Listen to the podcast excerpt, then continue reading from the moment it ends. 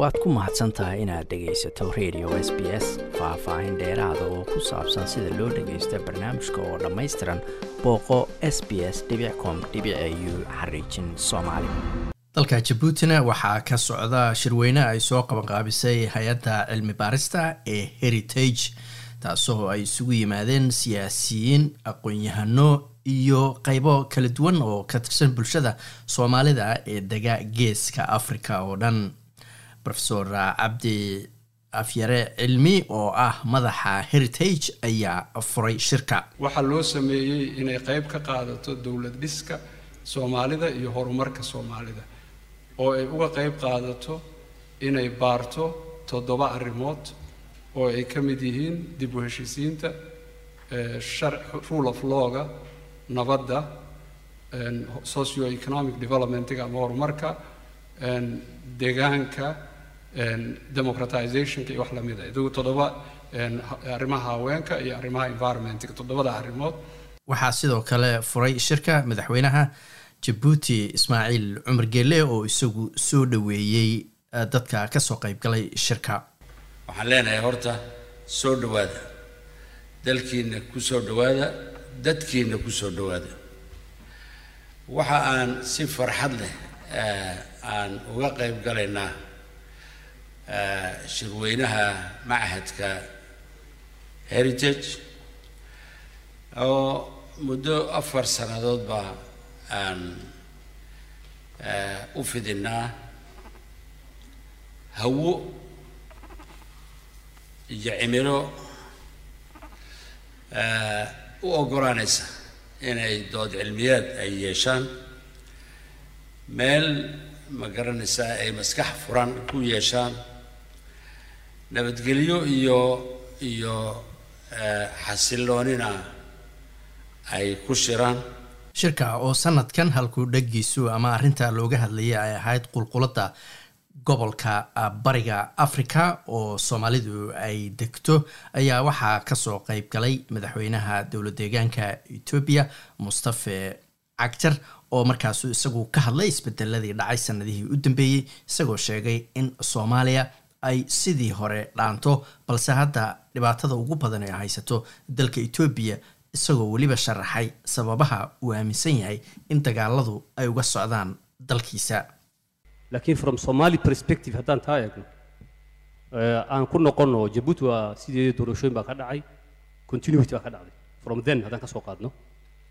Soomaaliya haddaan soo qaadano argumentiska ma fiican tahay ma fiicna intaan meel iska dhigno parametriski maadaama halkan aan la soo wada dhigi karin wasiir jamaal oo ka socday wuxuu yidhi hadday u fiican tahay. Qayb badan oo ka mid a waan ku raacsanahay from state building perspective ciidan in la sameeyo nidaam muxuu ahay dawliya in la soo celiyo cohesive executive iyo parliamentary systems inay jiraan. Haddaad eegto parametriska dib aad u eegto. Afhayeenka iyo waxaa haysta ra'isul wasaaraha iyo madaxweynaha iyo xil hore aynu ugu dambeysaan filaya marka clear progress inuu ka jiro xagga waan garan karaa iyadoona faragelinaya siyaasaddeeda guud iyo opposition iyo dowladdii iyo qaabka nidaamka iyo doorashooyinka iyadoona eegaynin clearly haddaad perspective ka eegto dawliga in kor wax u kaceen way ka muuqataa. Dhibaatooyinkii iyo dilalkii iyo wixiina way sii jiraan laakiin colaadihii sidii waaga ay ahaayeen way dhamaan baan is leeyahay faragelintii jaarar ku yaraadeen. Kenya yes waa kii ka hadlay mudane aadan bare ducaale doorashooyin baa la sugayaa from somali perspective again two years ago iyo hadda devolutionkii county systemka iyo dhaqaalaha resourciga hoos u dhacayay wuu ka fiican yahay xilliyada horaan qaba. Ethiopia haddaad soo qaadato somali region from lixdan iyo siddeed sano ayaa dalka uu ka tirsanaa ethiopia. Saddex sano iyo barkii hadda ahayd by far by far wuu ka fiican yahay. Shan iyo lixdankii sano u horreysay. In terms of human right in terms of peace in terms of development in terms of voice at the center lagu leeyahay wuu ka fiican yahay. Ma aha dhibaatooyin ma jiraan sidaa daraaddeed waxaan odhan karaa changigii laba kun iyo siddeed iyo tobankii la filayey walow regionku turbulence uu yahay somebody's turbulence not somali's turbulence so from that perspective haddii aan ku analyze garayno soomaali ahaan wanaag badan baa kordhay and i think we are not wrong to be hopeful at that stage. Haddaad dib u eegto. I'm not saying waxay way dhammaadeen ethiopia maadaama markii hore aana sharxin turbulencega u badan halkan uu ka jiro fursad yar baan u qaadanayaa inaan waxa la isku haysto. State formation guud baan ka hadalno geeska. Ta waa very critical. Horn of africa oo markii hore aan nidhi uu ka du uu ka duwanaa state formationkiisu afrikada kale. Ayay etoobiyana ka sii duwan tahay because elementigan eh, caddaanku waddanka ay iyagu hayeen ay gacanta ku hayeen kama dhicin. Wax internal colonization baa ka dhacay.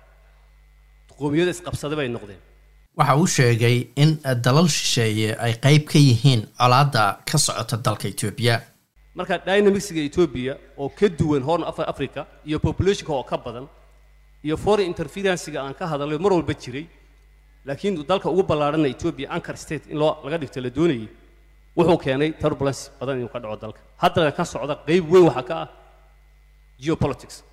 Baa qayb ka ah kooxda t p l f waxaan aaminsanahay mar hore in laga farxashay saddex sano ka hor.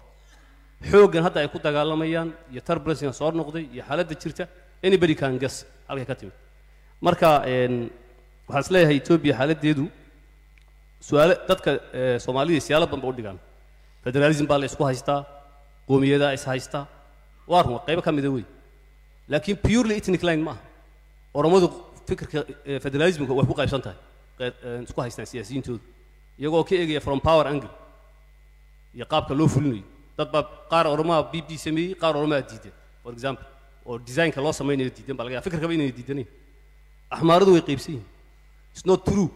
Axmaarada oo dhani federalism ma rabaan. Axmaaro fara badan oo fikirka federalismka aaminsan oo gobolkooda gaar inay u haystaan gobolo kale wax ku helaan group right ka haystaan ayaa jira iyadana dhexdoodana waa tension maalin walba qofka xabashka yaqaan uu arki karo uu ka dhegaysanaya weeyaan tigreegu definitely iyagu eh, waxay eh, u socdaan wuxuu ahaa in ay maamulkii gacanta ku hayeen. Disproportionate political and economic power ay ku yeesheen stateka inay yeeshaan oo una demographigoodu siinaynin. Why? Because militarist weeye. Xoog baana siinaya. Therefore annagu waxaanu nahay dadkii statekan bud- buddigaha u ahaa ethiopia civilizationkeedii kuu sameeyey baanu ahayn. So argumentiganagu demography lama xidhiidho we cannot be treated like minorities like Somalis. Peripheral minorities Somalida oo kale iyo waxaan ma nihin annagu. Despite the fact that Somalis outnumber them despite the fact that geographically Somalis make up for one fifth of the country or one fourth oo kale oo baashi haddana annagu kuwaas iyo isku baab ma nihin. Annagu Ethiopia annaga bud dhignay and therefore waa inaanu centerka wax ku yeelano dhanka soomaaliyana wasiirka qorsheynta dowladda federaalka ee soomaaliya jamaal maxamed xasan ayaa difaacay waxqabadka dowladdiisa sanadihii u dambeeyey. Waxa uu sidoo kale qiray in soomaaliya hadda dalalka deriska intooda badan aysan faragelin ku hayn. Haweenaan ka nasannay faragelintii waa war jira weeye waa sax. Waana runtii aad baan danaynaynaa u jecelnahay dhammaan gobolka oo dhan in la is ixtiraamo deris wanaagga la fiiriyo. Arrimaha gudaha ee waddamada deriska aanay faragelin isku samayn Ee, dadku waa dad walaala ugu dambeyn. Marka arrintan aad baan soo dhaweynaa dhammaanteen annaguna cid faragashan man annaga nala faragelin. Marka waa principle sovereigntyga waddan walba in la ilaaliyo xorriyaddiisa madax bannaanidiisa. Arrintaa ka hadashay xildhibaan cabdo ee, villa soomaaliya iyo iyo jabuuti dad walaala baan nahay. Adduunka carabiga laba daan ba isugu dhow wax kasto iyaguna waa isqaniinaa ma wax kasta oo jira waxaa jira nidaam loo maro diblomaasiya oo lagu wada xiriiro oo dowladdu ku wada hadlaan miidiyaha iyo madalaha nooca oo kale iyo arrimo la isu marsiiyo. Runtii waa laga habboon yahay. Dad walaalaa baan nahay. Dowladdu ugu horeysa carta halkaa lagu dhisay. Maanta annaga halka ka qayb gallay waana soconaya xiriirkan. Xiriirka jabuuti iyo soomaaliya wuu sii xoogaysan doonaa insha allah. Arrimaha kale ee furfurnaanta gobolka dimuqraadiyadda. Horta dimuqraadiyadda baarlamanti maxaa lagu cabiraya dadku arrimaha doorashada soomaaliya oo kale laga hadlay soomaaliya doorashadeeda iyo qaadatay maxaa lagu cabiraya maxaa u ah benchmark oo lagu qiimeynaya? Yaase qiimeynaya yaase cabiraya yaase runtii een, ku joogteynaya waa dadka soomaaliyeed inay iyagu ka fekeraan sida ugu fiican ay isku dooran karaan. Iyagu raalli isaga yihiin. Khasab maaha inay nidaam qoran oo gaara raacaan. Doorashada hadda soomaaliya ka socota waa doorasho dadban. Doorasho dadban meelahan kama dhacdo. Laakiin waa nidaam soomaalidu isla ogoshahay oo soomaalidu ay raalli isaga tahay oo ku wada shaqaynaya khilaaf ma imaanaya ha waa imaanaya khilaaf. Boqol khilaaf baa imaanaya. Laakiin macnaheedu maa waddanku inuu dib u dhacay waddanku inaan hore u socon.